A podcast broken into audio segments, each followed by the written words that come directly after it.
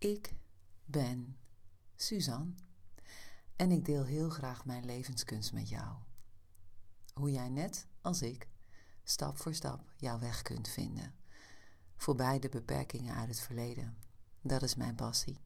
Daar werk ik mee en over mijn ervaringen deel ik. En vandaag deel ik met jou over wakker worden. Wakker worden. Misschien iets wat jou ontzettend bekend is. Misschien helemaal niet. En dan heb ik het over wakker worden als bewustzijn, als bewustwording van bepaalde ja, conditioneringen. Van programma's die in jou draaien, en net zo goed in mij, die jou belemmeren. Bewust, onbewust, of eerst onbewust en dan worden ze bewuster. Kan natuurlijk allemaal. Wakker worden, dat is een ja, spirituele term. Ze zeggen ook wel eens ontwaken. Dat je ziet dat er ineens zo'n zo'n aha-moment is. En dat die aha-momenten zich eigenlijk blijven continueren. En dat je daar eigenlijk werk van gaat maken om je meest pure zelf te worden. Dat is in ieder geval mijn pad. Dat is mijn weg. En vandaag deel ik daarover, omdat ik er ja, afgelopen week weer een aantal dingen op tegenkwam die ja, mij wakkerder deden worden. en een van de dingen die, ja, het klinkt een beetje plat, maar ik kijk dus uh, met Evie, met mijn dochter, volgen wij af en toe zo'n serie Love is Blind. Misschien ken je dat. Dan komen mannen en vrouwen samen, zonder elkaar te zien, in een pod noemen ze dat. En aan de ene kant zit een man en aan de andere kant een vrouw. En ze worden gescheiden door een, een wand. Ze kunnen elkaar heel goed verstaan, maar ze kunnen elkaar niet zien. En zo gaan ze ontdekken in volgens mij tien dagen of zo, heel intensief ontmoeten, zonder afleiding uit de buitenwereld, of liefde blind is. En uiteindelijk gaat het erom dat dat experiment wordt besloten met een huwelijk. Dus de man vraagt de vrouw ten huwelijk zonder haar gezien te hebben. Heel interessant, heel boeiend, intrigerend. Maar zonder dat helemaal uit te willen pakken, was er, keken wij afgelopen week naar een aflevering waarin Milton, een hele jonge vent van 24, uh, verloofd is inmiddels. um, met een vrouw, Lydia. En ze ontmoeten ook de andere mensen die meededen. Dus de, de verloofde stellen, die komen weer in contact ook met de andere mensen waar ze al dan niet een klik mee hadden. En dan wordt die Milton eigenlijk geconfronteerd met uh, een ex van Lydia, ook uit haar echte leven. En daar ontstaat een conflict. Niet zozeer met die Milton, maar tussen die man, Uche heet hij, en die vrouw heet Lydia. En dat is, dat is, dat is al boeiend op zich. Maar dan zegt hij, als zij bij hem komt voor troost, wij leven allemaal in andere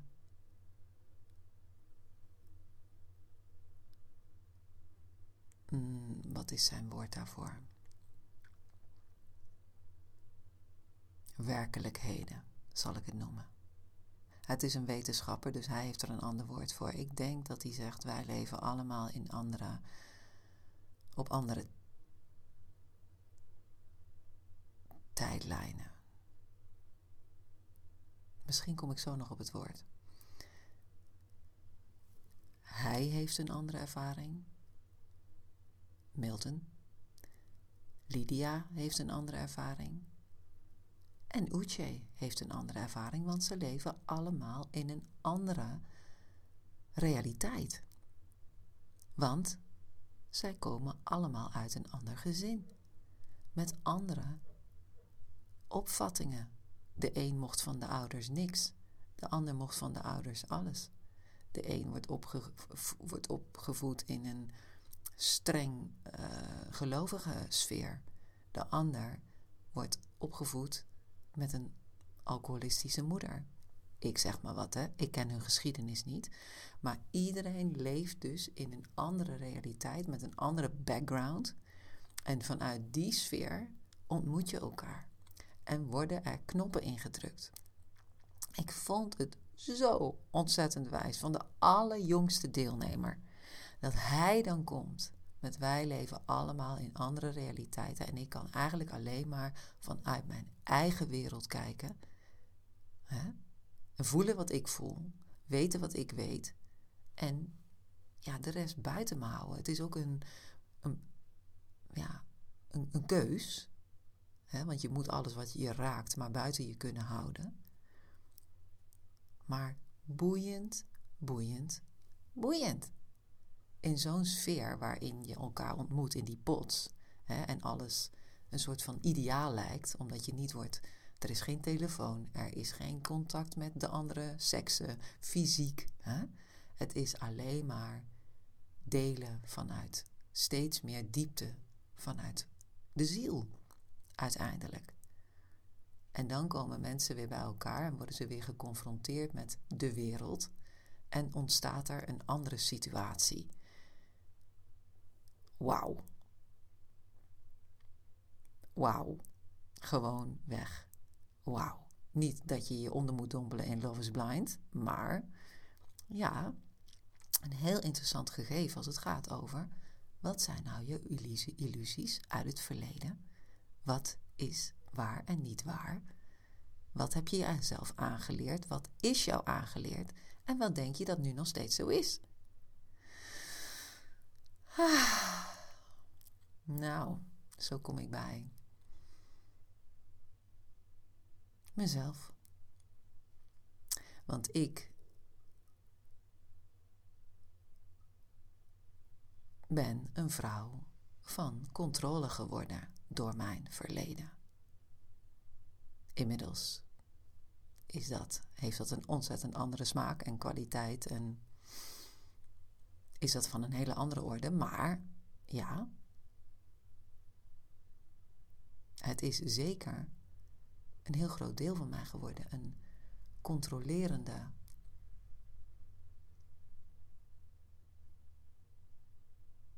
Ja, grondtoon eigenlijk. En dat wil zeggen geen overgave en angstig zijn. Angstig zijn dat als, wanneer je de controle verliest. En ik heb daar de laatste jaren ontzettend veel in afgelegd. Maar ik werd er weer even op getriggerd de afgelopen tijd. Want ik ben 51. En als je 51 bent, of 50 plus, dan word je uitgenodigd voor een borstonderzoek. Ik weet niet of dat ook in België zo is. Er luisteren ook Vlamingen. Dank jullie, dank jullie naar deze podcast. Ontzettend leuk. Ik weet niet hoe dat daar is, maar hier in Nederland word je uitgenodigd voor borstonderzoek. En uh, nou, in de tijd dat ik echt bang was, tussen mijn 25ste en mijn 30ste, en mijn moeder kreeg een uitnodiging voor zo'n borstonderzoek, dan zag ik haar al sterven. Ik had een grote angst voor de dood. En intrinsiek voor het leven. Maar goed, vorige week woensdag werd ik dus onderzocht. Mijn borsten werden onderzocht. Ik kan je zeggen, wauw, wat een vrouw onvriendelijke aanpak. Ja, het raakt me gewoon als ik het zeg. Dan is natuurlijk allemaal heel erg situatieafhankelijk als het gaat om het contact voor en na het onderzoek. Maar het onderzoek zelf is sowieso al zeer onvriendelijk. Maar ik ervaarde totaal geen contact met de vrouw die mij onderzocht. Ze zocht eigenlijk totaal geen oogcontact. Ze liet me niet op mijn gemak voelen. Het was zeer onpersoonlijk en zeer uit verbinding. Nou, echt niet fijn. Dat, dat voelt niet comfortabel.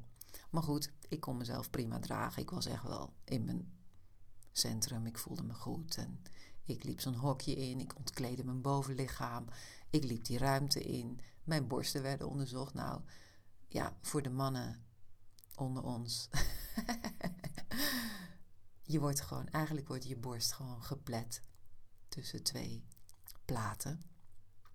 Om zeg maar al dat, ja, om zoveel mogelijk in beeld te krijgen. Mijn cup is bescheiden, dus dat is echt niet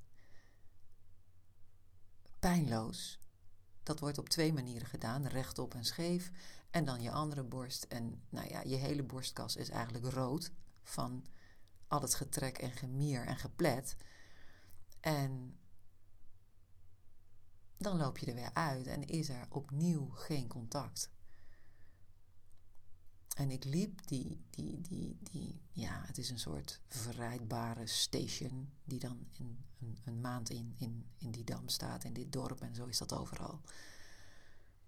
En uh, ik liep eruit en ik, wauw, ik was gewoon een soort van shocked. En ook ergens wel getriggerd, want iemand die zo uit contact blijft en die zo niet verbinding maakt, dat kan je triggeren en dat triggerde mij op een angst van ja, heeft zij nou iets gezien wat niet goed is of zo? En mijt zij daarom het contact? dus ik ging eigenlijk mijn oude conditionering, mijn illusionaire bouwwerk in mij, dat ging ik, dat werd even aangeraakt. Zo van, je hebt het niet meer in de hand. Out of control, Suzanne. Overgave. Gewoon afwachten. Ja, maar, ja, maar, ja, maar, hè, zegt dat kleine meisje in mij. Ik, ik, ik vind het spannend en, en, en, en wat dan? En als het dan niet goed is? En, en, en, en, en, en, en. Misschien is dit helemaal niet jouw werkelijkheid. Kun je je er totaal niks mee voorstellen. Maar dan heb jij misschien, en zeer waarschijnlijk, andere dingen die jou triggeren. Die vanuit je buitenwereld naar binnen komen. En jou aanraken op oud zeer. Of dat dan die buurman is die niet sympathiek doet. Of het is je werkgever die te veel van je verwacht, waar je geen grenzen aan kan geven misschien. Misschien is het, de, is het je partner die dingen wil waar jij niet aan kan beantwoorden. Misschien zijn het je kinderen die zoveel tijd en ruimte van je vragen. Ik weet het niet. Maar er zal iets zijn waarop jij uitgenodigd wordt om wakker te worden. Dat kan niet anders. Dus de afgelopen week, binnen twee weken, krijg je een brief of de uitslag al dan niet goed is. Kwam ik mezelf af en toe tegen in die angst.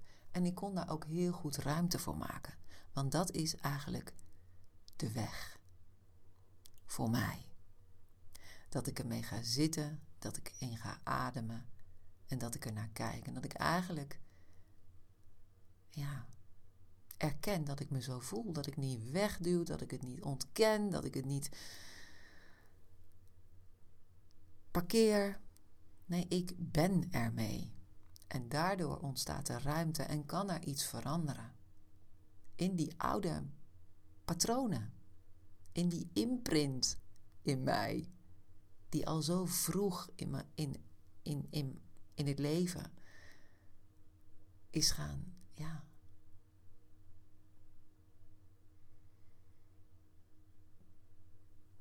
Verwijderen van, van, van de natuur, van het pure ik. En tijdens die afgelopen week, waarin ik dus hè, wachtende was op uitslag, kwam de dood op allerlei manieren voorbij. Ja, dat is dan heel interessant, hè? Als er dan iets is aangeraakt en er is een uitslag op handen. Dat is altijd spannend. Hè? Zo gauw er een uitslag kan komen, hè? dan zit je in afwachting. En dan blijf je nog een beetje in die sfeer van onzekerheid. En ik kwam, net alsof, het een, alsof ik het aantrok, alsof ik het aanzoog, kwam ik dingen tegen over de dood en over ziekte. En ik kon dat heel goed allemaal lezen en ontvangen. Soms raakte het me, soms kon ik dat heel neutraal. Ik zag het eigenlijk steeds meer, ik kon het eigenlijk steeds meer omarmen. Als het een soort van een, een, een uitnodiging was om ook dat deel gewoon te verwelkomen. de dood als deel van het leven. En in die afgelopen week kwam er ook een jongen in mijn gedachten voorbij, die ik ken van de supermarkt hier uh, in de straat zelfs. En waarvan ik weet dat hij taaislijmziekte heeft. Ik weet niet of je dat kent, taaislijmziekte, maar dat is een.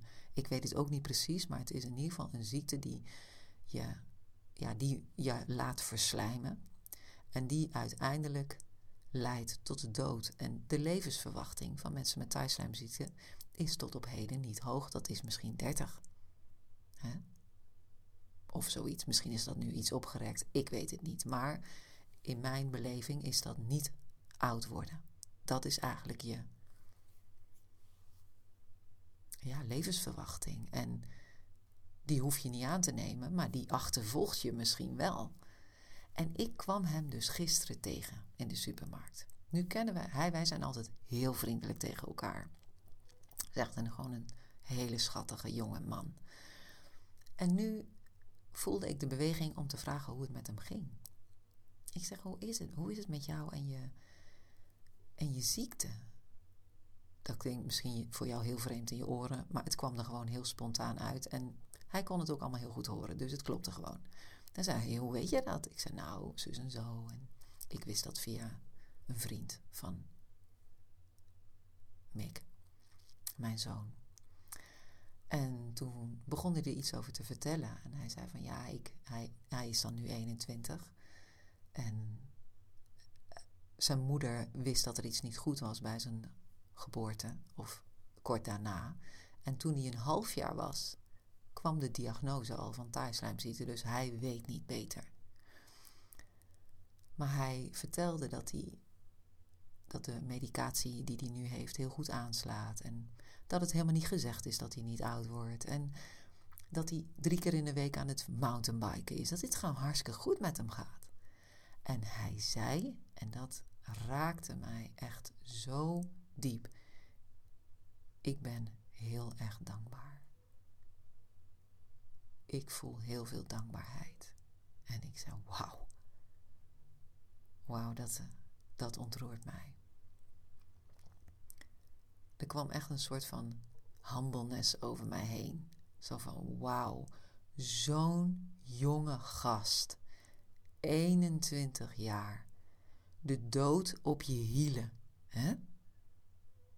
Hij heeft een diagnose die vanuit wat we weten leidt tot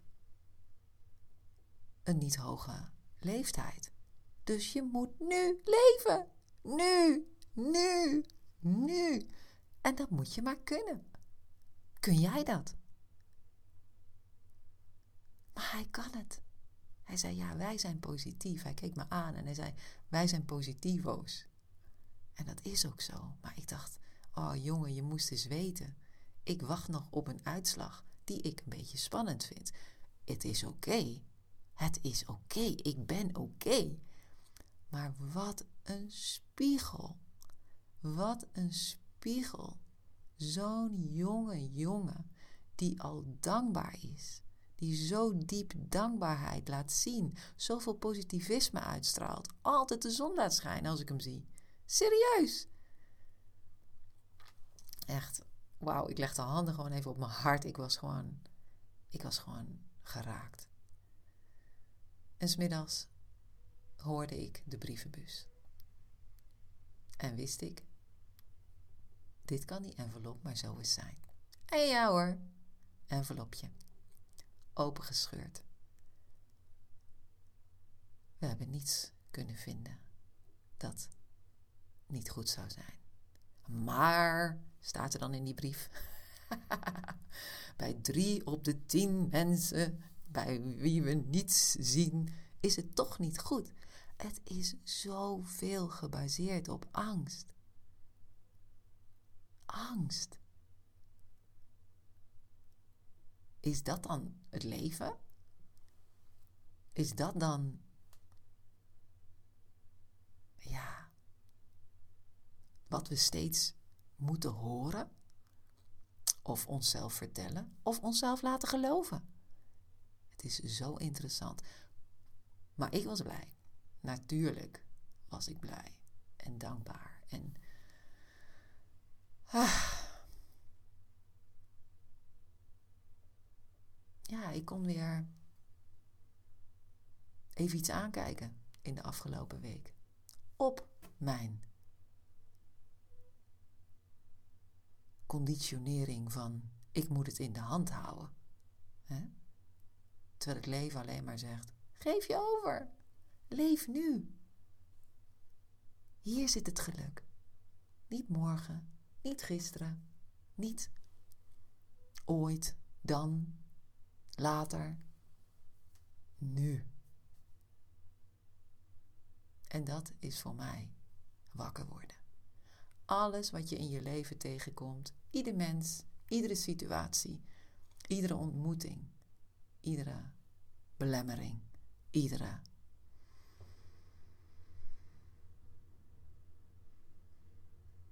schuring. En ook net zo goed alles wat aan de zonnige kant schijnt. Alle liefde, alle dankbaarheid, alle voorspoed, alle zonnestralen, de natuur. Alles nodigt uit om wakker te worden. En te kijken naar wat je belemmert en wat je vooruit stuurt. En weet je wat daar ontzettend helpend in is? Je dag bewust beginnen. Een ochtendroutine. En dat klinkt heel groots, maar dat hoeft het niet te zijn. Dat kan ook al heel klein, met kleine stapjes en kleine uitnodigingen en kleine bewegingen. Die jou laten kiezen voor jezelf. Al wanneer je opschat staat. En vervolgens iedere minuut opnieuw. maar een ochtendroutine gaat je helpen om wakker te worden. Letterlijk en figuurlijk. En als je dit op tijd hoort, dan kun je je opgeven voor wakker worden met Suzanne. Vijf dagen vijf ochtenden van 12 tot met 16 februari 2024 neem ik jou mee in hoe ik de dag begin. Iedere dag een andere smaak. Van 7 tot half 8. Uiterlijk. Om je te laten proeven hoe jij wakker kunt worden in jouw leven. Of wakkerder. Dat kan natuurlijk ook. In je lichaam in het moment verbonden. Je kunt je opgeven via susan.bronkhorst, cijfertje 3, at gmail.com. Kun je er een ochtendje niet bij zijn? Ik laat de Zoom-opname op in een besloten groep. Dus er is geen excuus. Ik nodig je van harte uit om wakker te worden. Het liefst direct. Dit was Ik ben Suzanne.